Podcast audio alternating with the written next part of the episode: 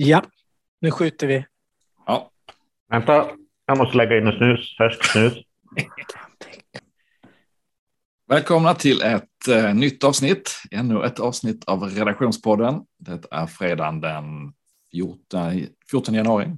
Det är eh, börsstök även den här veckan och det ska vi prata om. Vi ska prata om inflation som slår nya fräscha rekord. Vi ska prata lite centralbank, sektorrotation, lite värdecase och lite äh, egna affärer. Eller mycket egna affärer kanske, det får vi se vad ni har att bjuda på. Ja, vi kommer väl inte ifrån att amerikansk inflation och amerikansk centralbank är de som äh, håller i taktpinnen just nu. Och Pekka, vad säger du? 7 procent högsta inflationen sedan 82. Är du rädd? Ja. Är du glad? Är du ledsen? ledsen är jag.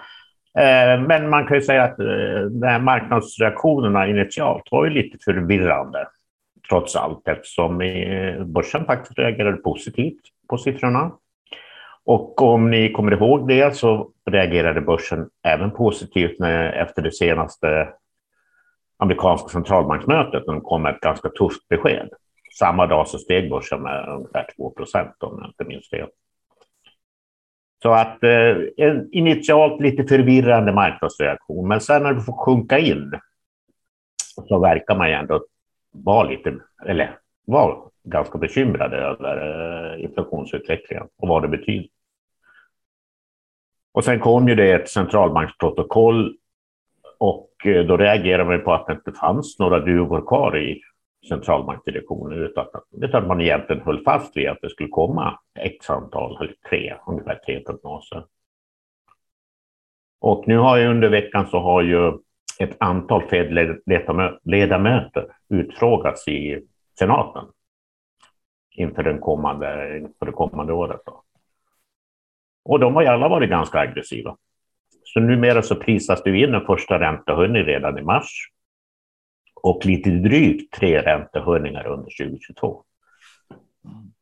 Så det är ju inte konstigt om börsen har reagerat negativt. Och man ska minska balansräkning också, eller? Det är väl det som börsen ja, mm, ja, man säger ju att det, man, det är möjligt att man påbörjar en nedtrappning av, av balansräkningen redan under andra halvåret. Här. Men bedömningen är ju att ekonomin ska tåla det och att räntehöjningar behövs för att liksom, stävja inflation och inflationsförväntningar. Så det är inte bara liksom eh, negativt så att säga. Eh, även fast börsen såklart har det så. Men... Ja, men det är ganska tydligt hur börsen med ryggmärgen reagerar på det. Att man säljer tillväxtbolag och bolag med vinsterna långt fram i tiden och går in i mer eh, värde eller cykliskt. Och, och den divergens, divergensen som man såg ganska mycket förra veckan har ju fortsatt den här veckan. Eh, jag vet att du Per skrev lite om att det kan gynna Europa, eller hur? Ja, det är ju betydligt lägre värderat. Jag, jag passade på att prata med några förvaltare igår som har ganska mycket tillväxtfokus. Som man hör ju att folk är lite oroliga nu och att man, lite som Pekka eller vad ni var inne på, om balansräkningen börjar krympa, att det blir mindre kapital där ute så ser ju de att kanske tillväxtbolag som, precis som du nämner, som har vinsterna i framtiden, där du kanske måste både göra två eller tre eller fyra emissioner, gå ut till marknaden för att du inte tjänar pengar. Att det, det blir ju mycket tuffare eller helt andra priser när du gör de emissionerna.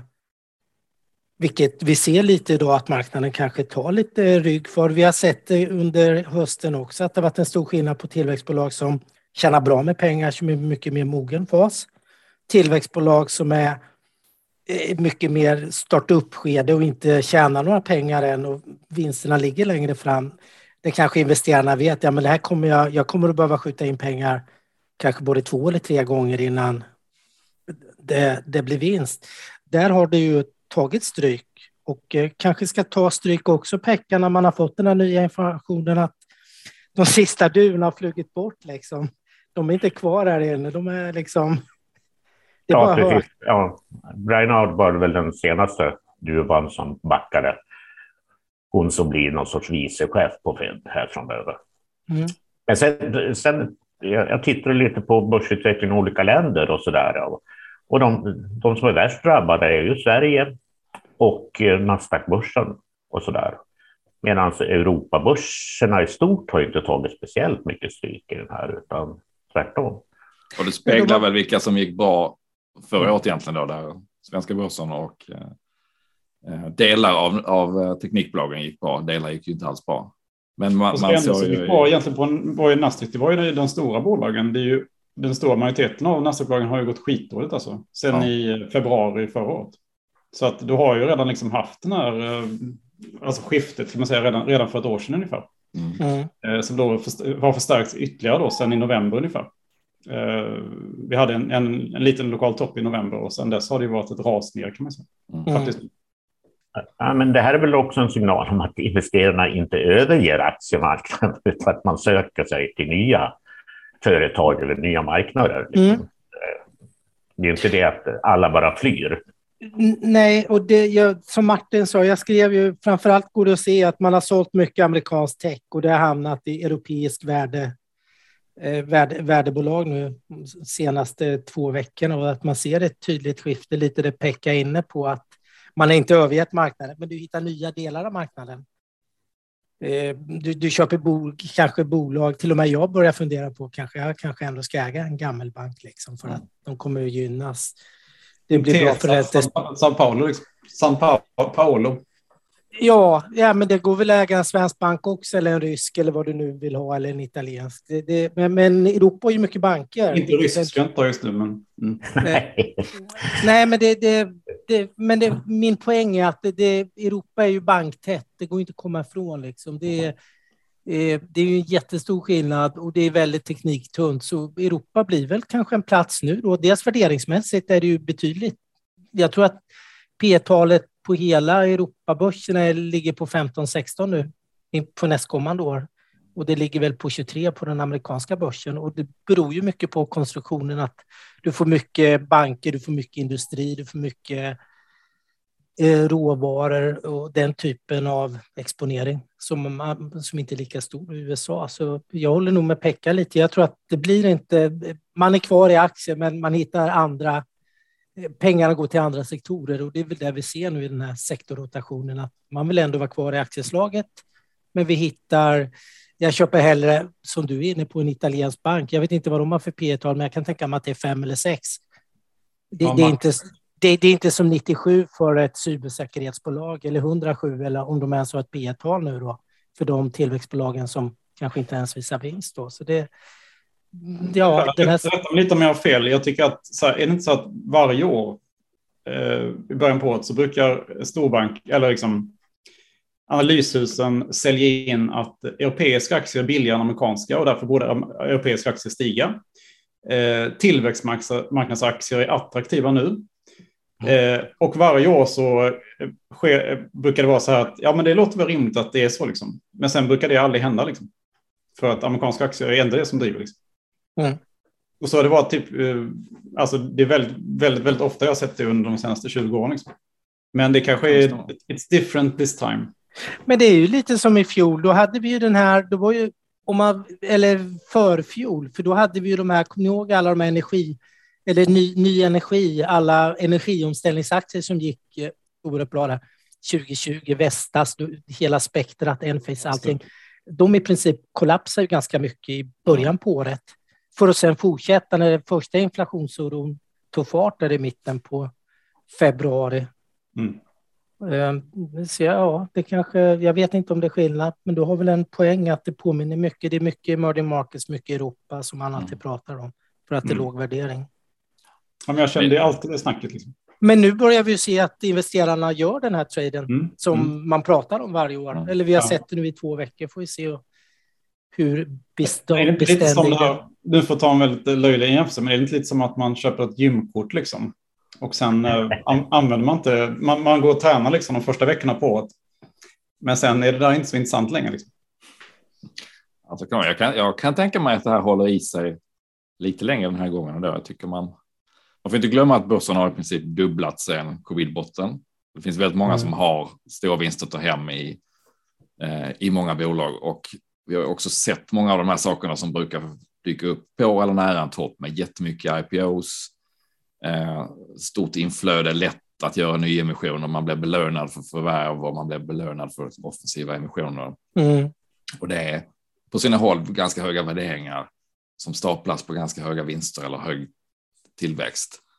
Eh, och det där blir ju som en dubbel effekt när det går uppåt, att både vinst och tillväxt ser bra ut och så lägger man en högre och högre multipel på det. Och den gången det flackar ut eller går ner så, så kan det gå ganska snabbt ner eftersom både, både tillväxten eller vinsten eh, planar ut eller backar och värderingarna faller ihop lite. Så att eh, lite sansade förväntningar och eh, lite, lite mer på allvar tycker jag att man kan ta det den här gången. Men eh, jag vet, man har haft fel för.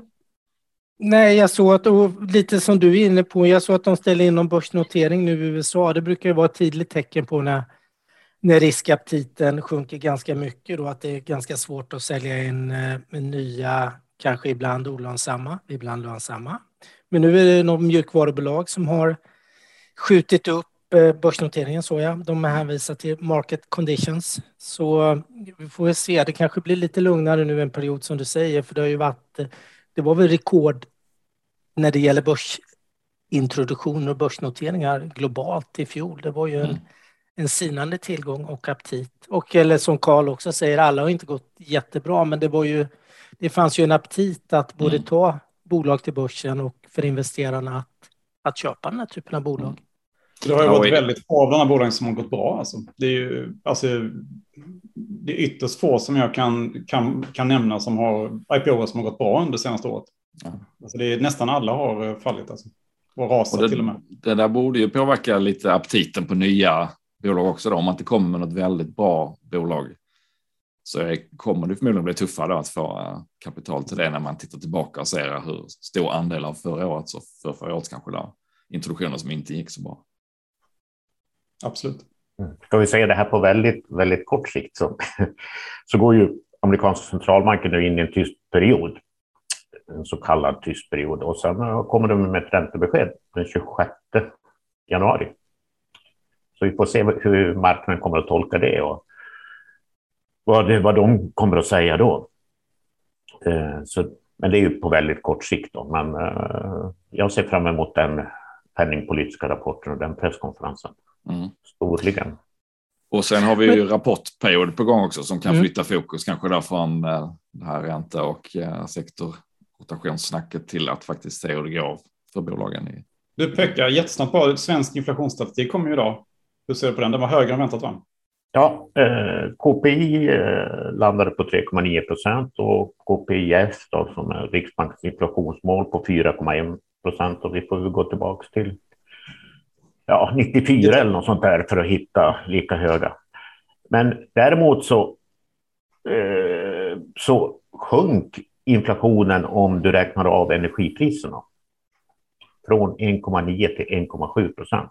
Och där, just eh, KPIF exklusive energi har ju varit ganska mycket i Riksbankens fokus under egentligen det senaste året. Liksom. Så att, eh, Inget eh, grymt inflationstryck. Eh, Däremot kan man ju säga att det blir intressant att se hur hushållen reagerar på de här elräkningarna som kommer och eh, hur konsumtionen kommer att se ut. Liksom. Ja, som konsument kan man, skulle man vilja exkludera energi, men det kan man inte riktigt. Ja, nu får ni ju pengar av staten, mm. de som har höga elräkningar. Ja, ja, men, det, men det ser ju ut... En femtedel. Ja, för, Fast det ser ju ut att dröja också innan man kan få de där pengarna. Det ska ju utredas. Men, men som sagt, inflationsutfallet högt borde inte påverka Riksbanken trots allt, utan eh, de ska nog sitta lugnt i båten. Mm. Jag tänkte Pekka, jag tror att det här är lite nu vi ser att man gör väldigt mycket på marknaden nu som man har gjort de senaste veckorna. Eh, är det lite man köper på ryktet men när nyheten kommer eller de facto, när det blir de facto, om det blir mars eller april, att man lugnar ner sig. Tror du att det blir en stökig period nu närmaste kvartalet? Ja, alltså marknaden har ju en, har ju en, en klar liksom, tendens att liksom, absorbera de här, den här typen av nyheter över tid. Liksom. Okej, okay, det här är en ny värld, vi ska ställa in oss på räntehöjningar. Eh, och så att det borde ju lugna ner sig. Eh, men det är klart att eh, fram till den första räntehöjningen kommer så kan det vara lite turbulens. Mycket beroende på vad eh, Fed säger då den 26 januari. Men, eh, men samtidigt så har vi det där med, med att räntorna trots allt kommer att stiga och som sagt emissioner och sånt här blir dyrare. Och, eller att söka kapital och sånt där blir dyrare. Så det kommer ju att påverka börsen. Men eh, man ställer, om sig, ställer in sig på ny, lite ny räntevärld. Det tar ett, tid, det tar ett tag. Men sen eh, brukar det lugna ner sig. Ja, för vinsterna är ju bra. Jag menar, Martin var inne och sa att det är rapportperiod snart. Jag tänkte, vi har ju ett bolag, vi har inte med det nu bland de köpvärda aktierna, men vi har haft det tidigare, Taiwan Semiconductors. Just det, kom en stark kom med rapport. Det kom en jättestark rapport. Den var lite starkare än marknaden har förväntat sig och de guidar väldigt bra. De gör stora investeringar. Det lyfter hela sektorn. Det lyfter ASML, det är flera eh, underleverantörer och dylikt. Då. Så det, det finns, det mår ju väldigt bra mycket i affärslivet. Så jag tycker att kommer vi in i rapportperioden, det, vi är ju där nästa vecka. Mm. De första amerikanska bolagen så det, ja, det blir kommer lite, lite banker redan idag faktiskt i USA. Och sen, och sen, och sen ramlar det på. Ja, precis. Sandvik, Avanza är väl de största nästa vecka på svenska. Det kan ju lugna ner börsen lite grann, eller börs, i alla fall det här techraset och sådär. Och sen ska vi inte glömma att det kommer ju en hel del så här, så här halvpositiva omikronnyheter. Mm. Att eh, smittspridningen går fort i början men att den också sjunker tillbaka väldigt fort. Då. Och sen finns det ju en del ganska tydliga tecken på att leveransproblemen börjar lätta för företag. Och som sagt det är väl ingen som tror att konjunkturen kommer att knäckas i närtid av, inte ens av räntehöjningar. Så att visst, underliggande tycker jag att det ser ganska bra ut för börsen. Jag såg så precis att Baltic Dry Index då som är alltså transport av råvaror, det har ju gått ner till marsnivån 2021 eh, alltså. Det har fallit mm. jättekraftigt. Så att eh, det är ju det är ingen inflation där direkt. Och även ja, det borde ju har lite grann i alla fall. Ja, borde lätta successivt. Mm. Men, men det kommer säkert att vara ett, ett stort tema även i fjärde kvartalet med leveransstörningar och kostnader för det. Man har sett en hel del bolag som Mm. De har fått ta dyrare kostnader för att hålla kunderna nöjda. Man har fått frakta via flyg istället för eh, båt eller annat transportsätt. För mm. att man har prioriterat att hålla kunderna nöjda. Säger man i alla fall och det tär ju på marginalerna. Så det tycker jag blir superintressant att se. Och även mm. vad ska man säga, de allmänna rörelsekostnaderna som ju var en som, som hölls tillbaka av, under hela pandemin och som gjorde att många bolag kunde redovisa mycket, mycket högre marginaler än vad man kanske trodde var möjligt ens. Just för att inga resor, inga mässor, inga marknadsföringskampanjer eh, och alla jobbar hemifrån. Och nu har man väl börjat släppa på och sen så fick man strypa igen i slutet på kvartalet. Så det blir intressant att se vilka som, vilka som kan fortsätta visa riktigt bra resultat på den här lite artificiella metoden då, att man sitter hemma och jobbar. Tror du att vi kommer att hitta vinnare bland de som har flaggat att det är stora leveransproblem och halvledarproblematiken nu? Om Karl är inne på att det börjar bli lite billigare, man börjar lösa upp det med, med transporterna, att nu det, det, är, det är inte så ansträngt kanske, eller blir inte så ansträngt nu närmaste tiden och det blir mindre kostnadstryck där. Ser du att, tror du att vi kan hitta vinnare där som man liksom har tagit ut lite för mycket? Kanske att det är för tidigt att säga att de blir vinnare i fjärde kvartalet, men däremot kan det ju räcka ganska långt om man säger att så här såg det ut i fjärde kvartalet var fortsatt tufft. Men nu ser vi i början på året hur det lättar och vi bedömer inte att det är några problem framåt. Då tror jag aktiemarknaden, speciellt i det här kvartalet som är ett årsskiftets kvartal där man vänder blicken mot 2022, att man ganska snabbt kommer glömma saker som inte var topp i, i Q4. Så det blev ganska mycket beroende på hur man eh, man lägger fram det på, på rapportkonferenserna och i ord snarare än i, i siffror för fjärde kvartalet. Så det kommer vara mycket fokus på framåtblickande nu eller? Tror ja, du rapport? ja, speciellt när det gäller den här frågan då om man är förbi, om man är förbi det värsta. Då kan man ju, kan man ju släppa den oron lite och oroa sig för något annat. Kanske. Som till exempel om det är luft i orderböckerna. Det blir också en, eh, en superintressant fråga för det här året. Att den här uppdämda behovet av leveranser som, eh, som finns i hela försörjningskedjan. Hur mycket beror på att man har beställt extra för att kunna serva kunderna och sen så när det planar ut så kanske man sitter med lager som gör att man inte måste beställa under en, en period. Det är ju en liten risk att, att efterfrågan inte är fullt så stark som man kanske ger sken av i orderingången. Mm. Så det är väl eh, några grejer som man bör hålla koll på när rapporterna börjar komma. Men några speciella i, rapporter som du verkligen ser fram emot? Ja, men det blir ju, eftersom de är tidiga och eftersom de är så breda så är ju Sandvik eh, intressant som kommer mm. som första, första industribolag på torsdag. Mm. Eh, där är ju analytikerestimaten ganska positiva just nu om jag ser rätt. Ja, jo, men har, de har ju de har gått bra på börsen och det har sett ganska bra ut och man har den här avknoppningen av SMT framför sig som är väldigt eh, tunga mot olja och gas. Eh, vilket ju också ser bra ut nu, där, vilket man inte trodde alls bara för ett, ett och ett halvt år sedan. Så det är ganska mycket eh, medvind och även till exempel flygsektorn är viktig för Sandvik eh, för deras eh, verktygsdel och den verkar också plocka, hämta upp sig ganska bra. Så att det är ganska mycket som... Orderingång hos Airbus till exempel. Så det, mm, eller de ser ju väldigt stark marknad de närmaste åren. Mm. Precis, och på ett, ett stort flygplan så tydligen borrar man ungefär eh, en miljon hål. Och då behöver man en hel del verktyg. Mm. Så att det, det är bra när de börjar borra i sina plan igen. Mm.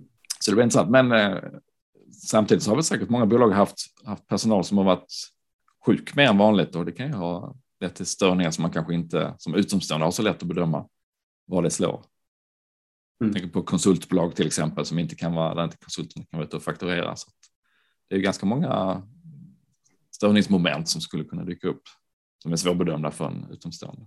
Men när det gäller vinstvarningar inför så där så tycker jag inte det är någon vare sig varningsflagga eller någon jättepositiv. Det har inte varit så himla många av de som har varnat. Det har väl varit lite av de här råvaror och fraktkostnader och, och de som har varnat positivt. Noka till exempel. Då var det väl mer internt på marginalen, inte så mycket på marknaden. Så att, eh, man har inte fått jättemycket vägledning tycker jag inför rapporterna från de här föråkarna som vi har kanske sett mer av de sista, eh, sista året. Mm. Men i, och apropå Sandvik, bara kort så tyckte jag att det var intressant att eh, deras storägare Industrivärden tittade jag på i veckan som ju helt sjukt egentligen hade en rabatt eller en premie förra året. De har ju bara noterade bolag i princip och då är det ju inte så vanligt att investmentbolag har premier mm. på, på noterade bolag som man dessutom inte handlar speciellt mycket. Eh, men den har försvunnit nu och de har en rabatt på, i alla fall i början på veckan, på 15 procent ungefär, vilket är en bit över vad de historiskt brukar ligga på. Och med Volvo och Sandvik som helt dominerande i portföljen som väl får betraktas som cykliska värdebolag. Så vill man, vill man, eh, tror man på att den här sektorrotationen fortsätter mot värdebolag och cykliskt så kan man ju få dem till lite rabatt genom industrivärden. Så att, eh, mer intressant än på länge tycker jag med industrivärden. Det, det, precis, det har inte varit så på länge. Precis. Det känns som en, Nej, eh, det känns ju iskallt att köpa ett bolag som industrivärden på premie, men med en lite större rabatt än vanligt och innehav som kanske kan eh, passa bra in i den, det tema vi har just nu i alla fall. Så jag tror den kan vara intressant. Kliar det i fingrarna på dig? På köpknappen eller? Sitter du ja, jag, jag har eller? faktiskt både Sandvik och Volvo i min egen portfölj. Så att hade jag inte haft det så hade det varit en bra ingång för att uh, få mm. exponering mm. mot dem. Har ni gjort mycket affärer då? Inte jättemycket. Nej, jag har inte gjort något. Pekka? Nej, jag har inte gjort något. Nej. Ja, jag har faktiskt jag dratt lite i, uh, inte i nödbromsen, men dratt lite i bromsen. Tagit hem lite, tagit ner lite på risk, tagit hem lite goda vinster i Nvidia sålde jag faktiskt. Uh, som har gått jättebra, sålde mm. Wave som också har gått jättebra, inte på sistone, tankat lite, men uh, så sålde jag Invido jag sålde också C-tech som jag hoppade in i oh. efter IPO i höstas. Ja, alltså deras rapport var ju rätt kass och de är högt värderade samtidigt som det är den här jätte, jättebra långsiktiga trenden med elbilsladdare och eh, datorer mm. som storägare. Men jag tänker att jag inte ska sitta med den över nästa rapport och så får vi se om jag kanske går in igen om det, om den faller ännu mer. Och jag har även Zaptec som är deras norska motsvarigheter. Så att jag har, har min exponering mot elbilsladdare kvar. Och så har jag minskat lite i Upcellera, bioteknik databolaget som jag vågar inte gå ur helt där för den är så det kan ju bli riktigt bra på lång sikt, men det är lite jobbigt att se den tugga, tugga De på portföljen. den. Ja. Mm. Den har gått rätt kast, så att den har minskat ner lite. Så en, eh, och inte köpt någonting, så att dragit ner på risk och eh, Ökat kassan då? byggt lite Byggt muskler ja, Ja. i händelse av fortsatt Mm. eh, stök. Mm. Jag har sålt LVMA faktiskt. Mm. Jag tyckte den var, blev lite dyr där ett tag. Mm. Eh, och sen har jag sålt Ortho Clinical Diagnostics som det kom ett bud på. Eh, så att jag tänkte att det, det kommer att ta ett halvår innan det är klart den affären. Så att, eh, det är klart det kan komma konkurrerande bud och sådär, men jag eh, drog mig ur den. Eh, sen eh, har jag beställt, eh, jag blev glad här i, eh, under helgerna för jag såg att min italienska skräddare i Neapel, han har skaffat en hemsida på sex språk. Sex språk. Och man kan betala med vilka betallösningar man vill. Och man kan eh, få eh, transport med DHL var, till vilket land man vill på jorden. Eh, så att jag testade det. Eh, och eh, det är då ett israeliskt bolag som heter Global E Online som eh, eh konstruerar detta åt handlare. Så att eh, eh, jag var tvungen att plocka in lite sådana faktiskt. Mm. Det är lite som Adyen då kan man säga, en konkurrent till dem till exempel. Det här nederländska bolaget. Eh, men det funkade jättebra. Eh, ta det med Paypal och sen eh, eh, få leverans dagen, de skickade på, på eftermiddagen och få leverans sen på morgonen. Det här bolaget tar alltså hand om e-handel och betalning åt vad ska man säga, fysiska mindre butiker som inte har den Precis. kompetensen själva. Ja, där du inte har kompetensen så då får du ett helt paket klart bara. Eh, Du kan även lägga in så här buy now, pay later-lösningar från alla, alla som ger det. Eh, Så att eh, det där borde vara något som det ska ha en monstruös tillväxt i alla fall närmsta åren. Sen är att vinst, vinsterna ligger långt i framtiden. Så att det är inte något som gynnas just nu av marknaden. Men det är faktiskt en IPO som handlas på plus än så länge. Det kan man väl se som något positivt efter den här, det här blodbadet som har varit första veckorna på, på Nasdaq. Mm. Vad hette bolaget sa du? Global E Online och det är ett israeliskt bolag. I, E, E. E streck online. E online. Mm. kan man betala med krypto? Det, det kan man säkert göra. Så du kan betala din skräddare i Neapel med krypto kanske. Det är väl fantastiskt. Mm. Eh, sen har jag tagit in, gjort faktiskt två FOMO-trades, eh, Roblox och Unity Software. Eh, men det är väldigt små innehav. Bara för att eh, jag får inte missa det här om det skulle vara bra. Eh, eh, nej, men annars följer jag med marknaden ner helt enkelt. Så att eh, det har varit en, eh, en helvetes, två helvetesveckor kan man säga. I början på året. Men det är ju en Men, tuff, ja, nej, men det är ju en tuff period. Det, det är ju ett stort skäl till att jag sitter ganska lugnt i båten. Liksom.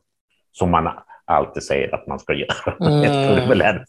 Mm. Men eh, ja, nej, men det är ju en svår period. Eh, och eh, så satt jag och väntade på att det ska lugna ner sig. Men i och för sig så är jag ganska tämligen fullinvesterad. Så.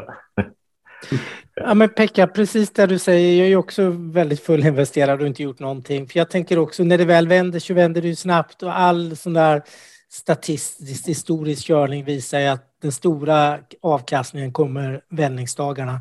Dag 1, 2, 3. Och sitter du på för stor kassa så missar du dag 1, 2, 3. För det är dag 4 eller dag 5 du investerar. För då ser du, oj nu börjar det gå upp. Och så har du missat stora delar av eh, avkastningen.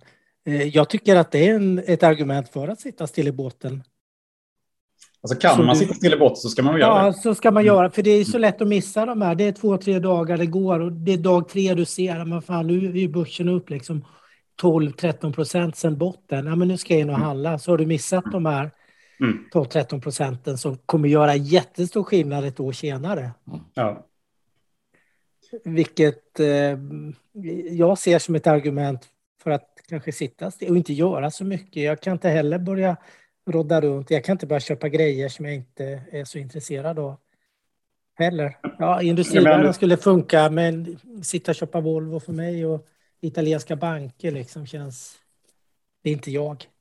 Nej.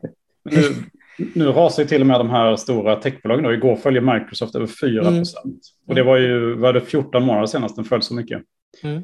Uh, och den är ju ändå inte jättehögt värderad. Uh, och li, lite grann ett värdebolag egentligen kan man säga inom tech. Mm. Jo, men det är klart att det är med världens största kassa nästan. Men, men det är klart, det är mycket snabba pengar. Det är mycket ETFer som rör sig. Microsoft måste vara en av de aktierna som är med, finns med i flest ETF i hela världen. Liksom. Mm, den är med i global ETF, den är med i tech, den är med mm. i många faktor ETF och dylikt. Då. Så det, det, det räcker ju med sådana flöden, för de är ju så momentana på något sätt. Några investerare ska ut och kanske lite tematiska investeringar och sånt. Mm. Och det spär vi på den här volatiliteten också nu. De här, att det finns så mycket tematiska ETFer just inom som är inom tech på olika ledder. Både mm. Så det tror jag är en anledning till Microsoft. De har väl, det har väl inte hänt någonting med, med vinsterna. Det är väl snarare lite med din skräddare. Det är ju fortfarande fler bolag än någonsin som kommer digitaliseras och gå till molntjänster. Och, mm. eh, så även när din, tyska, när din skräddare där så visar det väl att det börjar komma neråt. Ja, men just att det var Italien också tycker jag var intressant. För det, mm. de har ändå känts lite så här, kanske en lite mer efter då, eh, digitaliseringsmässigt. Eh, och särskilt då nere i Syditalien. Liksom. Så att det, det, där tror jag det är pandemin som har skjutit på det väldigt mycket. Att de mm. har liksom tvingats, tvingats ta några jättesteg liksom. Mm. Eh, I det fallet. Eh, vilket är roligt att de har hittat, hittat sådana lösningar. Då. Mm. Men du har helt rätt med Microsoft. De sitter ju, det är spindeln i nätet liksom. Mm. För fortsatt digitalisering. Så att, um, den ska man ju, om man inte äger den så är det väl läge att slå till. Om inte mm, nu, något, snart, i alla fall. Det är något för Pekka och Martin. Nej, nu får ni köptips av oss. Ja, mm. men Microsoft skulle jag gärna kunna äga. Skulle väl kanske gilla om det gick ner lite till innan jag köpte mm. den. Eh, så är alltid. Nej, men man måste ju också skilja på techbolag och techbolag. Techbolag mm. som Microsoft som har en mycket mer en prenumerationsmodell än man hade tidigare jämfört med bolag som gick in på börsen förra året som inte har lika lång mm. historik och där man värderar dem på vad som ska hända om tre till fem till sju år. Det är ju väldigt stor skillnad mot de här ja, Fangman-bolagen om man klumpar ihop mm. dem där. Som ju har en uh, skala och en bevisad affärsmodell på ett helt annat sätt. Så där kommer ju köparna att komma tillbaka till aktierna uh, när det lugnar ner sig, det tror jag också. Mm. Då ska man vara mer orolig kanske för mid midcap eller eh, små large caps där, där det är mer, har varit en mer hypad period där man kanske inte givet att man får tillbaka intresset från investerarna på samma sätt. Mm. Men jag vet, det blir spännande att följa. Definitivt. Så det är fredag. Det är det. Ja. Ska vi runda av och gå in i viloläge inför nästa veckas eh, rapporter? Ladda upp inför nästa vecka. Det är så man får se det. Mm, definitivt. För då kommer vi mycket mer att prata om, för då har vi ju, fått, då har vi ju kunnat syna korten lite. Mm.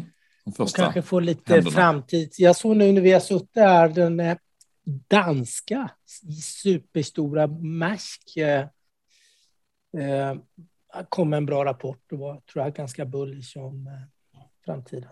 Så vi får se. Vi har mer att prata om nästa vecka. Finns hopp. Då tackar vi för alla som har lyssnat den här veckan och önskar trevlig helg. Trevlig helg. Trevlig helg.